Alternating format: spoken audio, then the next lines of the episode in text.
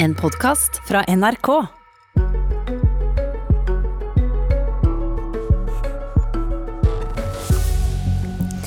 Må den svarte oljebransjen reddes for å få til en grønn omstilling? Ja, mener den radikale tankesmien Manifest, som nå har inngått samarbeid med Aker. Absolutt ikke, mener MDG. De skal ha landsmøte nå i helga. Ja, for aller siste gang så kan jeg ønske Une Bastholm velkommen som nasjonal talsperson for Miljøpartiet De Grønne denne morgenen. Takk for det. jeg sier siste gang fordi MDG har landsmøtet sitt i morgen, og da skal du velges til partiets aller første leder. Hva blir den store forskjellen? Ja, jeg har jo vært med og leda partiet eh, i fire år allerede som nasjonal talsperson. I vedtektene våre så er det partilederansvar. Vi har jo hatt en eh, delt ledermodell, så vi har vært to stykker. og Det blir jo eh, for min del den største forskjellen. Og så får vi en utvidelse av ledelsen, så vi får to nestledere og en partileder, så vi blir jo en litt større partiledertrio. Og da blir MDG som de andre partiene? Ja, akkurat der vil vi ligne mer. Eh, og Det er kanskje noe av grunnen også til at uravstemninga vår eh, eh, sa så klart at man ønsker nå å endre ledermodellen. At det rett og slett eh, kan være litt lettere for eh, alle dem vi henvender oss til når vi ber om tillit i valg, eh, å vite hvem vi er og hvem som egentlig har ansvaret til syvende og sist i vårt parti, når vi har en, den ledermodellen vi får nå. Men jeg må også si at jeg har jo trivdes veldig i talspersonmodellen, kosa meg veldig med det, og ser også fordeler ved det fortsatt. Hva er fordelen med det? F.eks. at du du får eh, mer åpenbare gitte og vedtektsfesta grunner til å diskutere med noen andre eh, de store avgjørelsene man skal ta. Grønne partier har jo tradisjon for å ha en sånn talspersonmodell i toppen. og Noe av grunnen også er jo at det er jo demokratiske organisasjoner vi snakker om her. Det er jo ikke Forsvaret f.eks. For det er stort sett ikke effektivitet som, som, bør styre de gode diskusjonene, men at de beste argumentene får komme fram. Og Da er jo filosofien litt at har du en litt mindre spiss topp, ja, da vil også resten av organisasjonen kanskje være litt mindre opptatt av hvem som eh, sitter og har makt der og da, eh, for om man lytter godt, eh, og litt mer opptatt av ja, argumentene og innholdet i det som blir sagt. Og Det gjør jo at f.eks. Sverige, så Miljøpartiet De Grønne i Sverige, som har sittet i regjering i mange år nå, fortsatt har en talspersonmodell. Eh, så det har de valgt, og så har vi valgt å få en partiledermodell, da, som jeg nå gleder meg til. Nå snakker du såpass varmt at det høres nesten ut som du ville beholdt den gamle modellen? Eh, jeg tror det er lurt nå. Jeg har rent opp med det, og, stemt også for en partiledermodell. Mm. Fordi? Fordi at det blir tydeligere både for velgerne og, også internt hvem som har uh, hvem som har ansvar til syvende og sist, og hvem som har det siste ordet. Um, og jeg tror i et parti som har de ambisjonene vi har, da, um, og nå har vokst ganske mye uh, Vi er med å styre i alle de store byene i Norge. Vi uh, er med å styre i 60 kommuner. Uh, vi ønsker jo å bli en stor gruppe og være med å sette agendaen og også sitte i regjering hvis vi får gode nok resultater, eller i hvert fall være med å bidra til at den eh, neste regjering blir den grønneste noensinne og er avhengig av Miljøpartiet De Grønne i Stortinget. Eh, alle de tingene til sammen tror jeg gjør at vi at det kan være bra, og at det er tydelig hvem som har ansvaret til syvende og sist. Og så blir vi litt mer gjenkjennelige. Det blir rett og slett lettere for folk å vite du skal gjøre, hvem har ansvaret. Ja, mm. du skal gjøre MDG om til et styringsdyktig parti, eh, og da vet vi fra før at dere samarbeider mest med SV og Arbeiderpartiet ute i kommunene. Dere samarbeider med de rød-grønne i Stortinget. Eh, dere skal diskutere to store saker på, på landsmøtet nå i morgen. Det ene handler om koronaskatt for alle alle som tjener over 700 000. Det andre handler om eh, en partiskatt for folk i MDG som tjener over 650 000. Hvis du summerer opp alt dette her, så høres dette veldig rød-grønt ut. Er det noe som helst som tilsier at dere kan se på Erna Solberg istedenfor Jonas Gahr Støre til neste år? Ja, til sakene vi har på landsmøtet, bare for å ta det først, så er jo ingen av de vedtatt ennå. Eh, I den resolusjonen så ligger det veldig, i den resolusjonen hvor det også er omtalt, eh, eller foreslått en koronaskatt eh, med en midlertidig da, 5% økning i den delen av inntekta som er over 700 000 kroner. Det er fortsatt ikke behandla i partiet, det er jeg veldig spent på. Den diskusjonen er jeg spent på. Det er jo, bare for sagt det, det er jo en løsning som vi i ledelsen nå har foreslått, fordi vi ikke er fornøyd med den generelle inntektsbeskatninga som er i Norge i dag, og mener den må bli mer rettferdig. Så det hadde jo vært vår hovedønske. Og så har vi en midlertidig løsning nå hvor vi har veldig høy arbeidsledighet, eh, og vi mener at vi ikke må være fullt så avhengig av Eh, eller i hvert fall ha flere bein, flere løsninger, nå enn å bare eh, tappe penger ut av oljefondet. Men det er altså det er, for å komme tilbake til spørsmålet mitt Det er ikke så fryktelig mye, mange forskjellige måter å gjøre det på. Det var det jeg skulle si. Så det er ikke nødvendigvis veldig rødt, mener jeg, å gjøre det. Men for å komme tilbake til spørsmålet mitt, så er det ikke så veldig mange blå partier heller som foreslår høyere skatter, og særlig ikke i disse tider. Og spørsmålet mitt var altså, er det noe som helst som tilsier at MDG kan gå inn i en regjering med Erna Solberg som statsminister? Ja, det som kunne tilsi det, var jo hvis Erna Solberg endrer sitt politiske styringsprosjekt. Og det er realistisk, og det, tenker du? Og det er jo en teoretisk mulighet for. Og for Miljøpartiet De Grønne så er det sånn at vi ideologisk sett ikke eh, ønsker å plassere oss. Eh, det er ikke naturlig for oss å plassere oss på verken høyre- eller venstresida. Og heller ikke å love oss bort til en av de to største styringspartiene. Fordi vi mener også at historien har vist at det er ikke spesielt bra for miljø og klima. At Så de små partiene det? som setter miljø og klima høyt på forhånd, lover seg til en, en blokk. Og jeg mener også det kan ha hindra veldig mye av den politiske idéutviklinga som du egentlig trenger for å løse den største utfordringa vi har i vår tid fortsatt. jeg beklager at jeg avbryter deg, men det er bl.a. fordi jeg har hørt dette her før, nemlig dine argumenter for å ikke velge side i norsk politikk. Men spørsmålet er da, kan MDG gå inn i et nok et stortingsvalg uten å velge side? Ja, det et litt annerledes spørsmål. for Det handler litt om kommer vi til å kunne peke på hvem vi snakker med først, f.eks. før eh, valget 2021. Og Det tror jeg kan være en mulighet for. Eh, det er jeg i hvert fall åpen for, og så vil det være opp til partiet. I så fall vil det være en diskusjon som handler om, gitt at vi har hatt Erna Solberg i så mange år som vi har, de har prioritert klima veldig lavt, og vi har en ganske akutt situasjon hvor vi også trenger en veldig aktiv næringspolitikk for å få til en omstilling av Norge.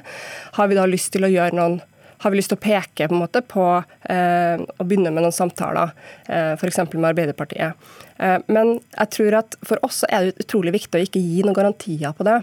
I hvert fall ikke før vi vet hva Arbeiderpartiet kommer til å ha som sitt, eh, altså hva slags prosjekt de kommer til å gå til valg på. Men det kan bli aktuelt å peke i løpet av det neste året? Ja, sånn som jeg kjenner partiet, så kan det være aktuelt. Mm. Vi må innom eh, også at dere skal ha historiens første digitale eh, årsmøte. Eh, og for alle oss som har eh, Teams morgenmøter om dagen, så kan det være litt kaotisk. Mm. Hvordan skal dere klare å få 200 pluss mennesker til å gjennomføre et åpent og inkluderende landsmøte på hver sin PC? Ja, det er et landsmøte som nå er minst like godt forberedt som de vanlige landsmøtene våre. Og vi har jo blant annet, For det første bruker vi en plattform som vi vet at veldig mange partier allerede har kjennskap til. For vi har brukt allerede en del med webinarer, altså digitale seminarer som vi har hatt over lang tid. Eh, og landsstyremøter f.eks. nå etter, etter pandemien inntraff. Og så har vi hatt formøter hver dag denne uka her hittil, eh, hvor folk kan logge seg på og, um, og, få introduksjon til hvordan du deltar i landsmøtet. Eh, vi kommer til å forhåndsinntegning av, eh, av mesteparten av innleggene, mens man bruker en funksjon i den digitale løsninga for å kunne ta replikk mer sånn spontant. Um, det her tror jeg er veldig overkommelig, og jeg er veldig spent på hva det kommer til å, um, uh, det kommer til å gjøre med, med debattene. Jeg tror jo På den ene sida så kan det være at det er noen det blir høyere terskel for. Um, de som er veldig vant til talerstolen, f.eks., uh, og har brukt den i veldig mange år. Uh, for andre så kan det jo nettopp være noe som gjør det lettere å delta. Og det gjør det jo også i hvert fall lettere å fysisk kunne være til stede, fordi du uh, f.eks. Ja, noen vil jo kanskje pga. helse eller små barn eller sånt være hindra fra å reise til landsmøtet ellers. Det blir et eh, litt strippa program rent politisk. Eh, dere skal stort sett bare diskutere hva som skal skje med, i forbindelse med, med, koronatiltak. Og Et av de tiltakene dere skal diskutere, og jeg er litt spent på hvor mye debatt det blir, egentlig, det handler om hvorvidt oljebransjen bør få eh, koronakrisehjelp. Der har du sagt at det ville være en stor tabbe under Bastholm, så da begynner jeg med den nye gjesten vi har fått inn i studio. Magnus Marsdal, som er leder i Den radikale tankesmien egen manifest.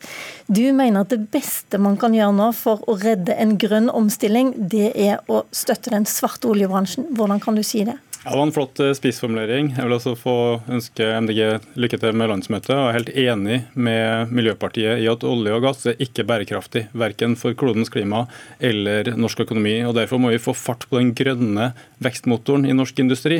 F.eks. en ting som flytende havvind, som norske bedrifter i dag kan bli verdensledende på. Bidra i enorm skala til å bygge ut grønn energi globalt på en måte som utvikler kanskje 90 000 årsverk. Og da har du fått sagt det, så hvorfor vil du bruke opptil 80 milliarder kroner på skattelette til oljebransjen nå? Det er jo ingen som snakker om. Det er jo snakk om å utsette skatten eh, noen år. De pengene kommer inn, så det har ikke en sånn kostnad. Det var et tall jeg hørte i den debatten i går. Ja, altså Kostnaden er kanskje 3 milliarder. Men eh, det jeg er opptatt av nå, er at hvis eh, MDG for eksempel, da, har en politikk som går ut på at den leverandørindustrien vi snakker om, som kan gjøre den grønne jobben, f.eks. flytende havvind, nå bare kan få dø under den nåværende krisa, så er det kanskje grønn symbolpolitikk, men det er veldig dårlig klima- og industripolitikk. fordi vi blir mer oljeavhengig som nasjon hvis vi står igjen med råvareeksporten olje og gass og mister ledende industrivirksomheter som kan gå inn i grønne næringer, tilføre økonomien innovasjon, eksportverdier, sysselsetting alt det her som vi trenger et bein å gå på, som gjør det mulig å trappe ned olje- og gassekstraksjon. Så jeg mener at vi skal trappe ned den. Jeg mener at da må vi ha fart på den grønne vekstmotoren. Den må bli mye større, men blir faktisk ikke det av en bråstopp i den nåværende industrien som gjør at vi ikke har noen å omstille i morgen. Une Bastholm. Ja, den store tabben vil være om vi bruker krisepakker nå, innretter dem på en måte som bidrar til mer fossile investeringer. Og Det er det oljebransjen nå ønsker seg. De ønsker jo eh, skatteutsettelser som kan faktisk bli eh, skattefordeler. altså Det kan bli en ren subsidiering hvis ikke vi får tilbake de inntektene fordi oljeprisen fortsetter å være lav, kanskje ikke så lav som nå, men fortsetter å være det over lang tid. Eh, og vi i tillegg har en verden som holder på å omstille seg eh, og kommer til å etterspørre mindre olje og gass.